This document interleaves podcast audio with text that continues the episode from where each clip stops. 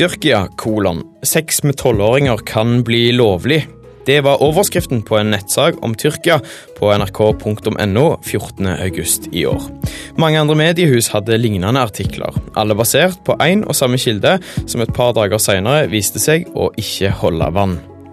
Hvordan står det egentlig til med kildekritikken i norsk media? Tar journalistene for mange snarveier i jakten etter klikk? Det skal det handle om i dagens utgave av Kurer. Jeg heter Lars Erik Andreassen.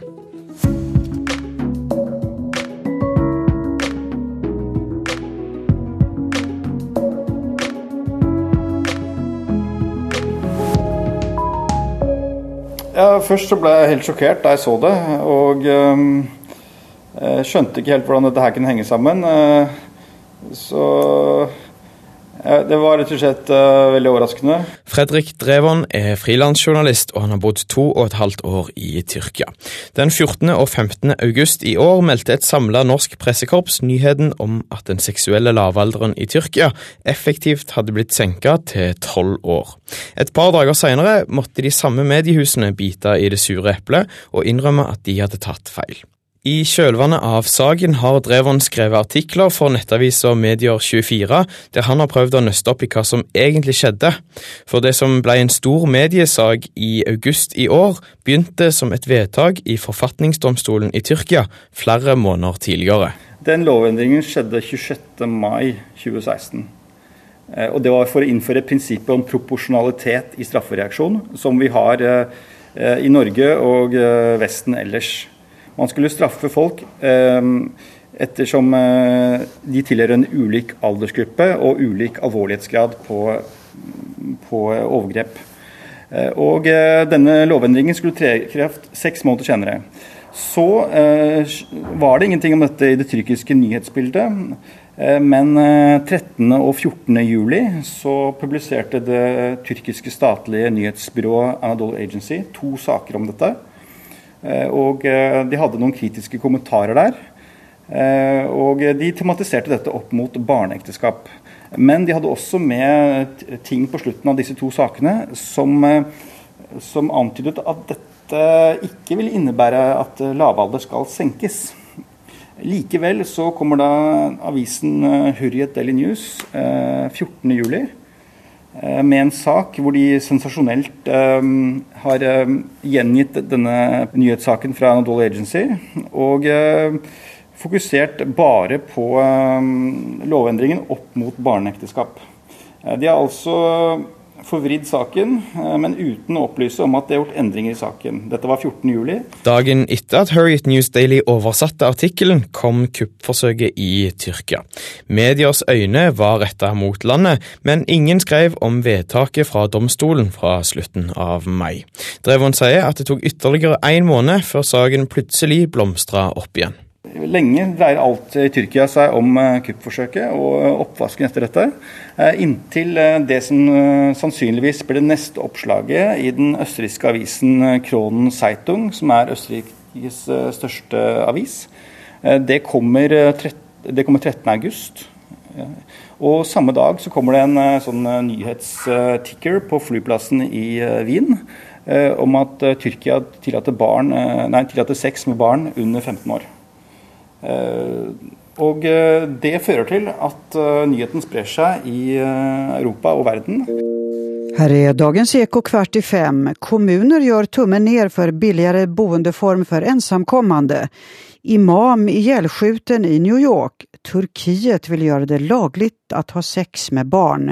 Språktest for taxiførere Ekot på Sveriges Radio 14. august i år.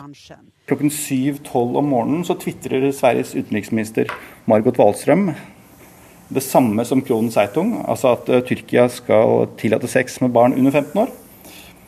Uh, og uh, da tar saken helt av, og 14.8 så blir det også saken, det stor sak i norske medier. Den 15. har det blitt mandag, og, og Dagsnytt 18 plukker opp saken. Nyheten spredde seg brått i helga. Den seksuelle lavalderen i Tyrkia er nå i praksis blitt tolv år. Det skjedde etter at en tyrkisk domstol fjerna en lovparagraf like før forsøket på militærkupp for en måned siden. Og eh, Da går det én mm, til to dager før de skjønner at det er feil. Og 16. og 17. august så kommer innrømmelsene fra mediene om at de har tatt feil. Men det kommer ikke i form av noen beklagelse, det kommer i form av nye saker som si, vinkler dette på nytt. Men i de nye sakene så henger de dette fortsatt på barneekteskap, for å på en måte ha sitt på det rene. Og Den mest spekulative saken var vel fra NRK, hvor man egentlig ikke beklager, men sier at hele verden tok feil, så da tok vi oss feil. Ja, Det er ikke jeg enig i. Jeg ser ikke noe spekulativt i å lage en grundig artikkel med mange kilder, der vi både eh, skriver i utgangspunktet at vi eh, tok feil, eh, og mange andre, og der vi bruker eksperter til å prøve å forklare hva som egentlig er riktig i denne saken. Så det er jeg rett og slett ikke enig i. Knut Magnus Berge er utenrikssjef i NRK. Jeg spør han i hvor stor grad NRK sjekka kildene sine før publisering av nettsaken med tittelen 'Tyrkia sex med tolvåringer kan bli lovlig'. Vel, åpenbart ikke nok i den forstand at eh, det jo ikke var korrekt, det som vi hadde i denne artikkelen. Dette eh, var jo en artikkel som hadde Tyrkias største avis som eh, hovedkilde. Den omhandla en relativt komplisert juridisk prosess i Tyrkia, som vi misforsto. Det var vi jo ikke alene om. Det var mange som misforsto her. Både Amnesty International, vestlige politikere og en rad andre medier. Eh, så det òg hører med til eh, bildet. Men eh, vi gjorde en feil, og vi gjorde da et forsøk på å rette opp den feilen i etterkant. Sist jeg var inne og sjekka saken som eh, var fra 14.8, så lå den fortsatt ute uten en rettelse. Eh, og eh, heller ikke en henvisning til saken der dere har retta opp hva som egentlig stemmer. Har NRK i tilstrekkelig grad retta opp egne feil i denne saken her? Ja, nå har vi gjort det etter å ha blitt gjort oppmerksom på det. Og eh, det er klart at det burde vi ha gjort. Eh, det er eh, en glipp. Vi skulle ha gjort det, og det beklager, beklager vi. Vi har altså ikke mulighet til å fjerne artikkelen. Det er vel heller ikke ønskelig. Men det vi skulle gjort, var at vi skulle skrive inn på tydelig plass i den artikkelen at det som kommer fram her er feil, og så vise til den artikkelen der den korrekte eh, versjonen står. Det har vi nå gjort. Så etter at jeg kontakta dere og gjorde dere oppmerksom på det, så har dere gått inn og ordna på det? Det er riktig.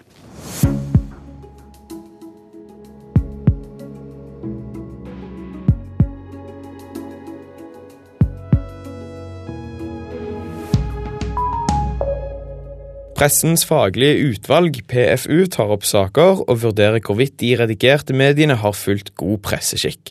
Kjersti Løken Stavrum er fram til slutten av oktober i år generalsekretær i Norsk Presseforbund. Det var jo, eh, det var jo et klassisk eksempel på en nyhet som er moralsk forargende eh, eh, for mange, og så fører det til at den da blir delt og kommentert mye i sosiale medier og får fart på seg, eller går viralt, som det heter. Og så, eh, og så kommer det litt for seint en kontramelding om at dette er ikke helt riktig. Eh, og da ser man jo hvor eh, På den ene siden hvor, hvor, fint det er at man kan rette opp feil i, i, vår digitale tid.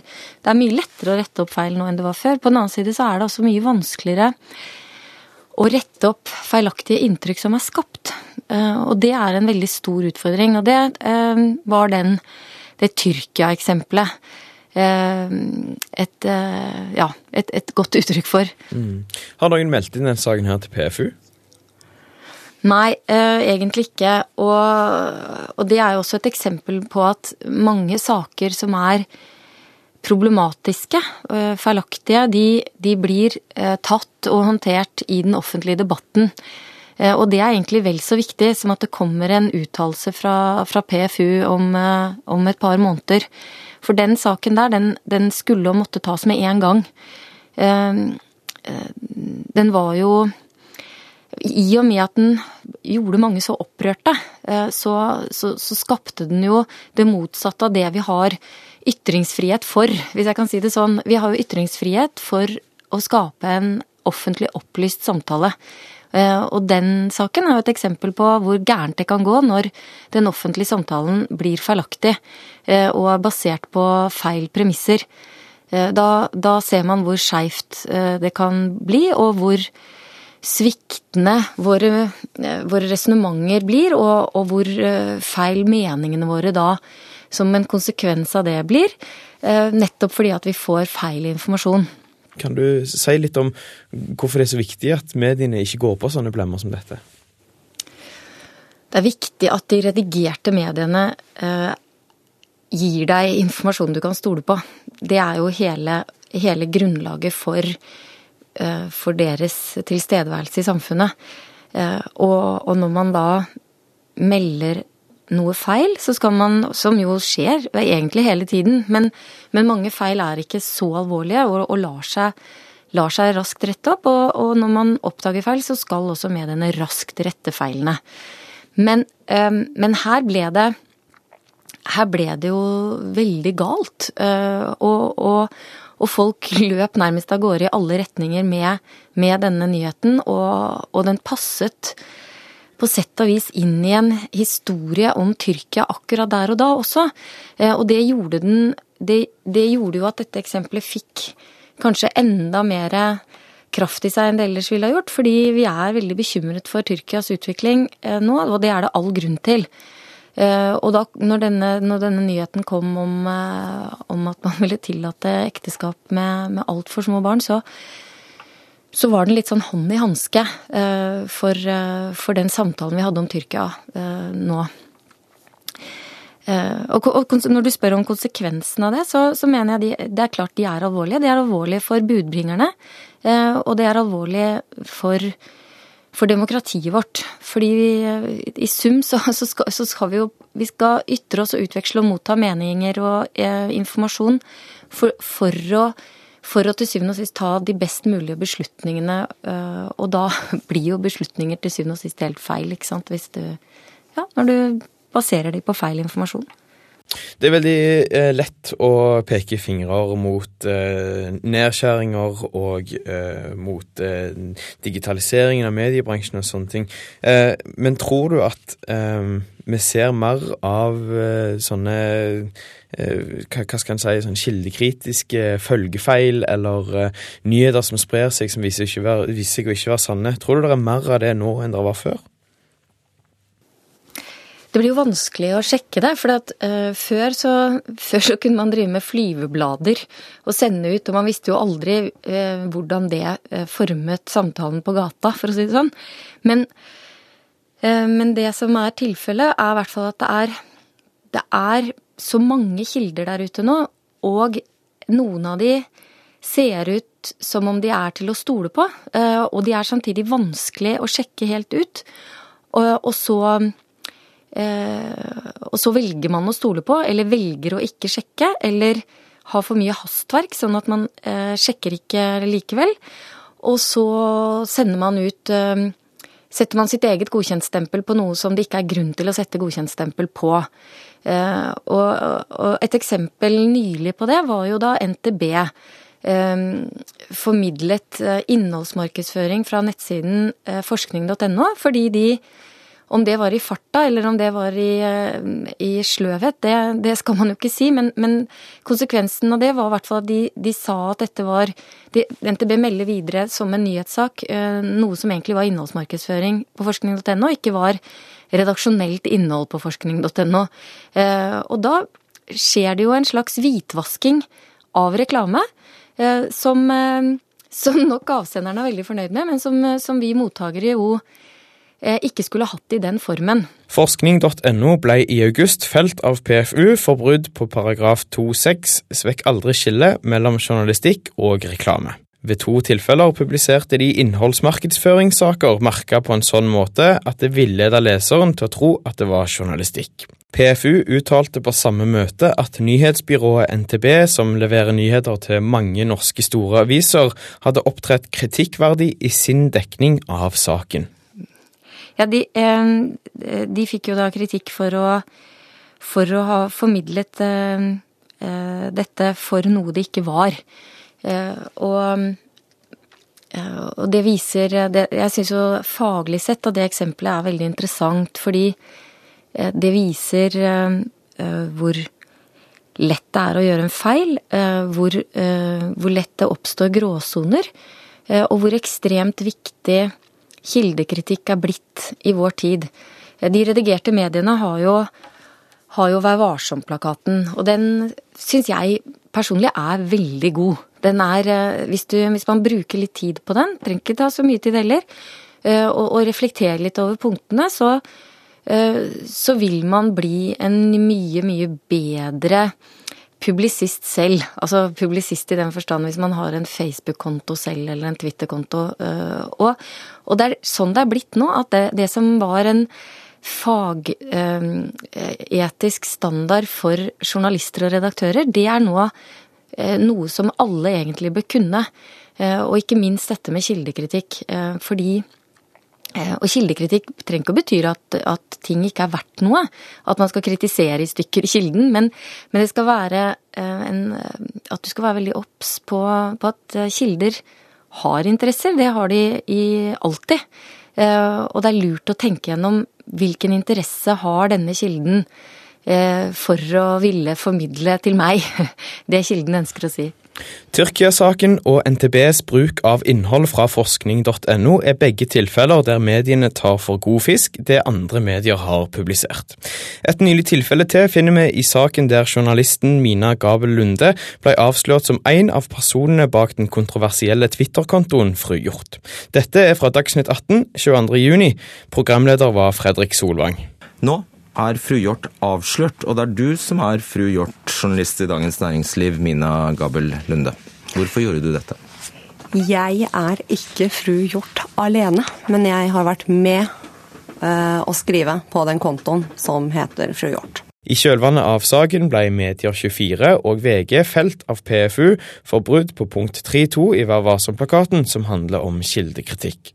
De publiserte informasjon de ikke hadde tilstrekkelig grunnlag for å publisere. NTB og Bergens Tidende fikk kritikk for å ha gjentatt det Medier24 og VG skrev, og P4 ble felt i sin gjengivning. Både NTB, P4 og Bergens Tidende skrev i sine svar til PFU at de anså VG og Media24 som troverdige kilder. I saken Mina Gabel Lunde mot P4 svarer PFU i sin konklusjon at selv om utvalget ikke mener at det kan stilles samme krav til faktakontrollen for medier som siterer, som til opphavsredaksjonen, så mener utvalget at det må stilles krav om at siteringen er presis, og at medier må velge mindre konstanterende stil og ta forbehold der dette er presseetisk påkrevd. I saken om barns rettigheter i Tyrkia siterte bl.a. VG og TV 2 NTB sine artikler. Aftenposten, Adresseavisa, Bergens Tidende og Romsdals Budstikke trykker artikler fra NTB i sin helhet. I tillegg til å være en del av mediene som heiv seg på Tyrkia-saken, har NTB altså òg fått kritikk fra pressens faglige utvalg, både i Fru Hjort-saken og pga. artikkelen fra forskning.no. Det er klart at eh, det er jo særlig viktig at, at NTB, som jo er et, et, nav i norsk nyhetsformidling, det er jo særlig viktig at de eh, at de er til å stole på. Det tror jeg NTB er helt klar over selv.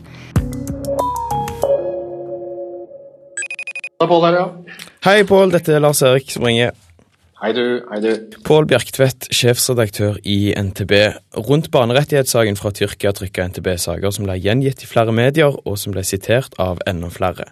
Hvordan vurderer dere kildegrunnlaget i forkant av publisering av disse sakene?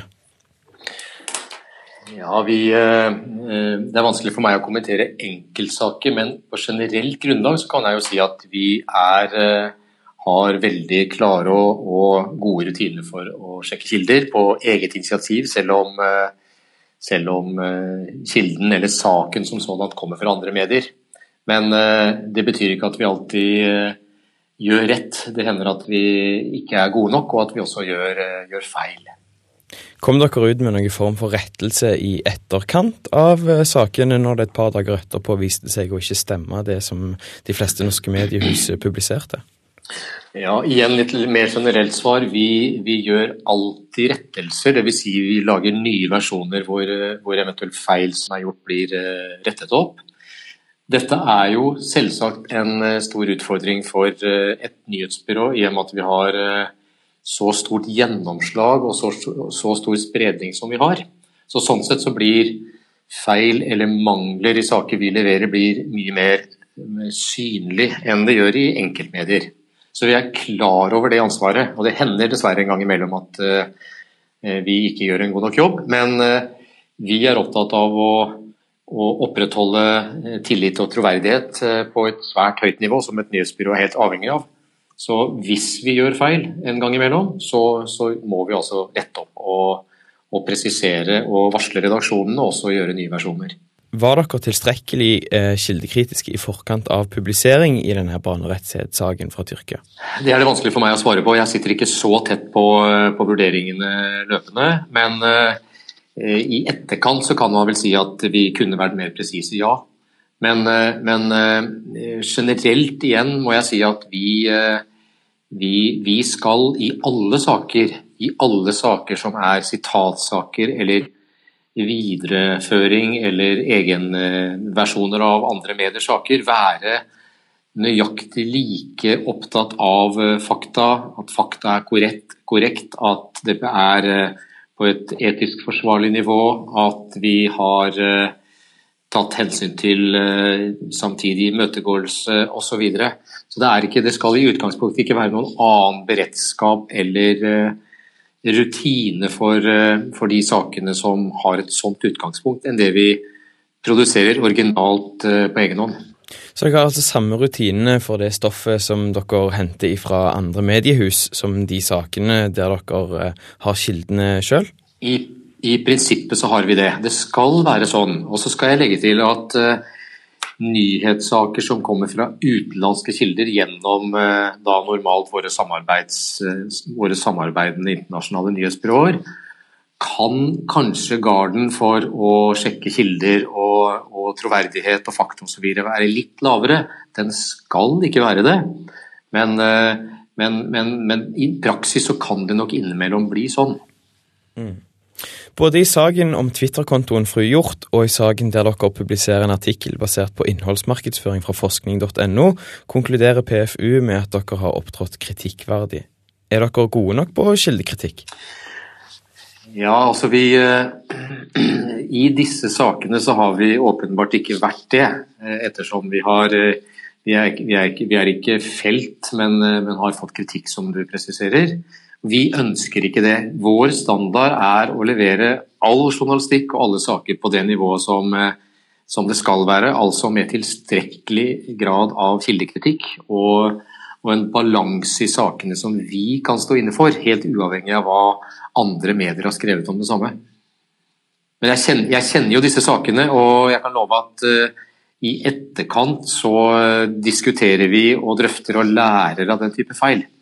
Og så må jeg vel få lov til å legge til også at det er veldig sjelden det faktisk skjer. Så vi, som sagt, vi er nødt til som nyhetsbyrå å opprettholde høy tillit og troverdighet, og, og jobbe veldig aktivt med dette. Og kanskje spesielt når vi har gjort feil. Jeg har NTB et slags ekstra ansvar når det gjelder kildekritikk, sammenlignet med andre mediehus? Jeg, jeg, jeg, ser ikke at det er noe forskjell på ansvaret fra en publisist eh, og til nyhetsbyrå, men det er helt klart at vi må være spesielt årvåkne på å ikke gjøre feil og, være, og, gjøre våre selvstendige vurderinger. Vi har et enormt utvalg av saker og kilder å forholde oss til hver, hvert eneste nyhetsdøgn. Og det betyr at vi, vi, er til, vi er nødt til å ha en høy standard og, og gjøre våre egne vurderinger og unngå feil. Fordi nettopp som jeg sa innledningsvis, feil hos oss eller mangler i våre saker blir veldig synlig veldig mange steder. To døgn etter at saken om barnerettigheter i Tyrkia blussa opp i august, begynte altså mediene å rette opp feilen. Dagbladet har erstatta sin originale artikkel med en henvisning til en ny sak. VG oppdaterte sin originalsak med informasjon om at den var feil. TV 2 har fortsatt to saker liggende ute i sin originale form, uten henvisninger eller rettinger. Et raskt Google-søk viser at NTB sine saker fortsatt ligger ute i sin originale form på Romsdals Budstikke, Aftenposten og Bergenstidene. Utenriksredaksjonen i NRK retta opp sin originale artikkel denne uka, etter at Kurer gjorde de oppmerksomme på at den fortsatt lå ute i sin originale form. Kurer er slutt for i dag. Hør oss gjerne igjen på radioen neste uke, eller lytt til oss hva tid du vil på podkast.